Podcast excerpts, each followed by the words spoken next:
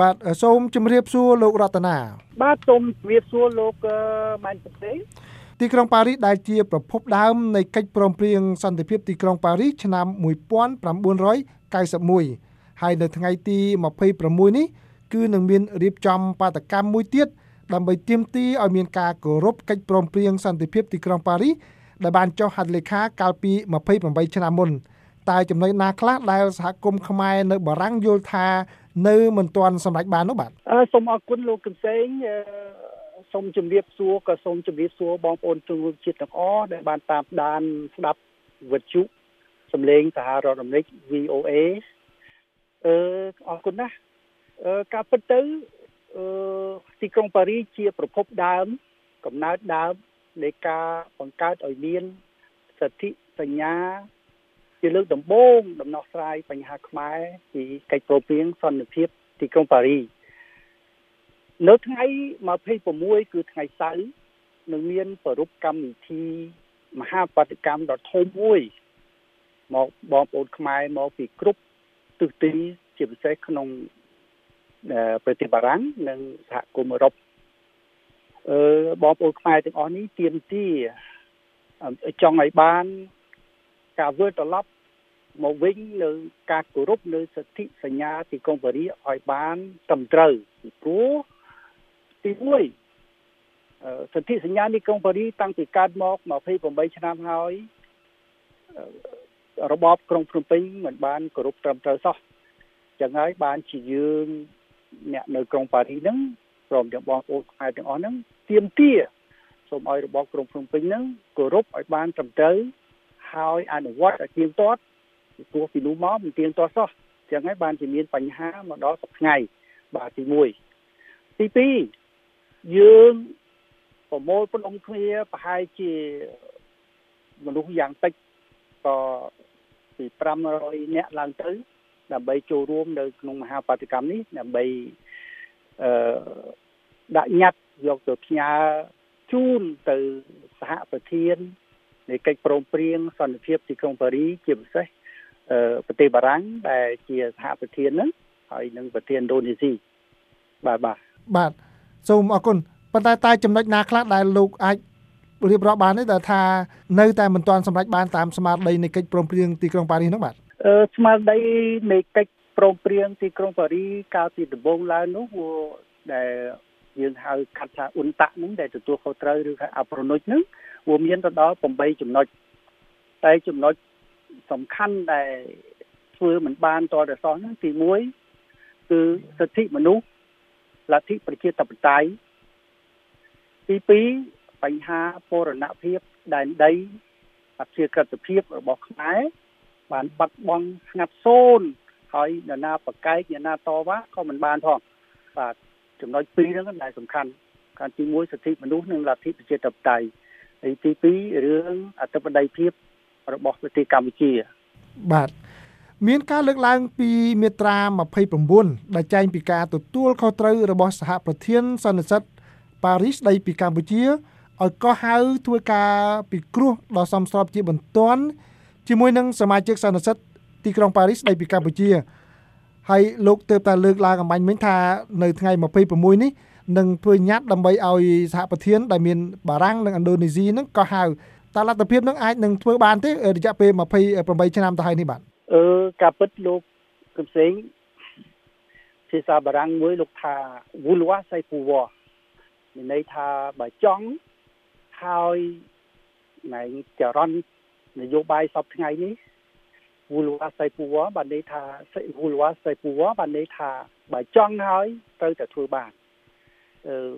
ចរន្តនយោបាយសពថ្ងៃនេះ វាចង់កលាប់ចាក់ហើយប្រទេសកម្ពុជាសពថ្ងៃនេះធ្លាក់ធ្លាក់ផុងទៅក្នុងអឺអនអន្តរថ័យខ្លាំងមែនទែនអញ្ចឹងទេលទ្ធភាពដែលអាចធ្វើទៅបាននៅពេលណាដែលប្រទេសកម្ពុជាទាំងមូលប្រជាពលរដ្ឋខ្មែរទាំងមូលទាំងអស់ហ្នឹងទៀមទាគ្រប់គ្នាទៅ ហើយក្រោកឈរទាំងអស់គ្នាឡើងទៅ គឺអាចទៀមទាបានហើយដាក់ញត្តិទៅជូនសហប្រធានទាំងពីរឲ្យគេបានដឹងឮទៅការពិតគេនឹងចុះសង្កេតឡើងវិញដូច្នេះលទ្ធភាពហ្នឹងគឺអាចធ្វើទៅបានពិតជាអាចធ្វើទៅបានអញ្ចឹងពីព្រោះបំណងធំបំផុតដែលកិច្ចព្រមព្រៀងសន្តិភាពទីក្រុងប៉ារីហ្នឹងឲ្យខ្មែរហើយនឹងខ្មែរហ្នឹងជានានឹងគ្នាឲ្យសុខក្តុងរមនានឹងគ្នា ដែលគេចំណាយលុយកាក់រាប់ពាន់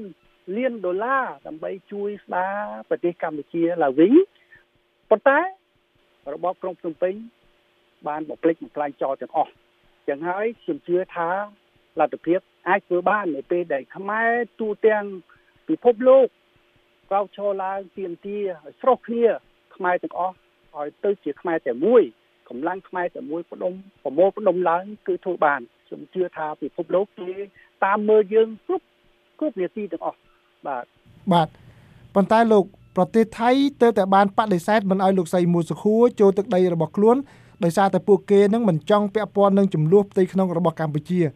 ថៃគឺជាប្រទេសហត្ថលេខីមួយនៃកិច្ចព្រមព្រៀងសន្តិភាពទីក្រុងប៉ារីសដែរតើលោកមានសង្ឃឹមថាប្រទេសហត្ថលេខីទាំងនោះនៅគោរពតាមការចុះហត្ថលេខារបស់ពួកគេនឹងដល់កម្រិតណាដែរបាទអឺជាការពិតណាស់អឺពីព្រោះថៃគេអាចមើលឃើញច្បាស់ពិភពលោកក៏មើលឃើញច្បាស់ដែរភាពបន្ទងប្រទៀងគ្នា រវាងរបបក្រុងភ្នំពេញដែលធ្វើទុកបុកម្នេញដល់ប្រជាពលរដ្ឋខ្មែរអឺជាពិសេសដល់អ្នកដែលកាន់លទ្ធិប្រជាធិបតេយ្យគណៈបកសង្គ្រោះជាតិបន្ទាប់ពីបានចាប់លោកប្រធានកម្មយុខាដាក់គុកហើយយកមកឃុំឃាំងផ្ទះហើយដោយចោតប្រកាន់ដោយថាក្បត់ជាតិក្បត់អីចឹងទៅ ហើយរំលាយគណៈបកសង្គ្រោះជាតិចោល ហើយបែងចែកអាកៅអីអាសនៈដែលជាប់ឆ្នោតយកទៅឲ្យគណៈបកដតីដែលមិនមែនជាប្រជាពលរដ្ឋបោះឆ្នោតឲ្យណាមួយទៀតក្រមប្រឹក្សាគុំសង្កាត់មានទៅដល់5007រូបក៏ត្រូវបានគណៈបកប្រជាជនខ្លួនឯងហ្នឹងយកទៅចែកចាយអ្នកដតីផ្សេងទៀតហើយមកទួសពថ្ងៃនេះគឺ ដេញប្រផាប់ចាប់វិធីព្រៀងធ្វើទុកបុកបណ្ដេញចាប់ដាក់គុកដាក់ជីវៈអ្នកខ្លះរត់ចេញក្រៅប្រទេសធ្វើបាបធ្វើទុកបុកម្នេញសពបែបយ៉ាងអញ្ចឹងប្រទេសថៃជាប្រទេសចុះហត្ថលេខីមួយនៅក្នុងចំណោមប្រទេសទាំង18គេនឹងមើលឃើញហើយគេមើលឃើញថារឿងហ្នឹងគឺវាវិលត្រឡប់ថយក្រោយសម្បំដោយសារតែលោកហ៊ុនសែនហ៊ុនសែនក៏ធ្វើហើយហ៊ុនសែននឹងសោតគាត់មិនដែលបាន ជាប់ឆ្នោតម្ដងណាទេតាំងពីមានការបោះឆ្នោតឆ្នាំ1993ដែលរៀបចំដោយអង្គការសហប្រជាជាតិមកនោះលោកហ៊ុនសែនគាត់ចាញ់ឆ្នោតតែគាត់ចាញ់ឆ្នោតទៅពេលនោះហើយគាត់ទៀមទាឲ្យបំបែកអបគុំផ្សេងផ្សេងអីចឹងទៅគាត់បានឡើងទៅជានាយករដ្ឋមន្ត្រីទី2អានឹងលោកកំសែងការពិតអញ្ចឹងឥឡូវសក្ខីភាពជាក់ស្ដែងគឺប្រជារាស្ត្រខ្មែរលំបាកវេទនារត់ចេញក្រៅស្រុក រហូតដល់អ្នកតំណាងរាស្ត្រអ្នកប្រជាធិបតេយ្យទាំងអស់រត់ចេញមកក្រៅណាអានឹងហើយខ្ញុំជឿថាបើសិនជាខ្មែរទាំងអស់ខ្មែរទាំងអស់ត្រូវតែក្រោកឈរឡើងទៀមទាសម្ដែងមតិសម្លេងតែមួយពេលនោះឯងអង្គការសហប្រជាជាតិព្រមទាំងបញ្ចុះប្រទេសចុះហត្ថលេខីទាំងបាល់ម៉ានគេចាប់អារម្មណ៍លើកម្លាំងរបស់យើងបាទមានតែកម្លាំងរបស់យើងទេដែលអាចឲ្យសម្លេងអន្តរជាតិគេមើលឃើញ តែបើយើងនៅស្ងៀមគេមើលមិនឃើញគេស្មានតែយើងនឹងបានសុខបានសប្បាយហើយបាទសូម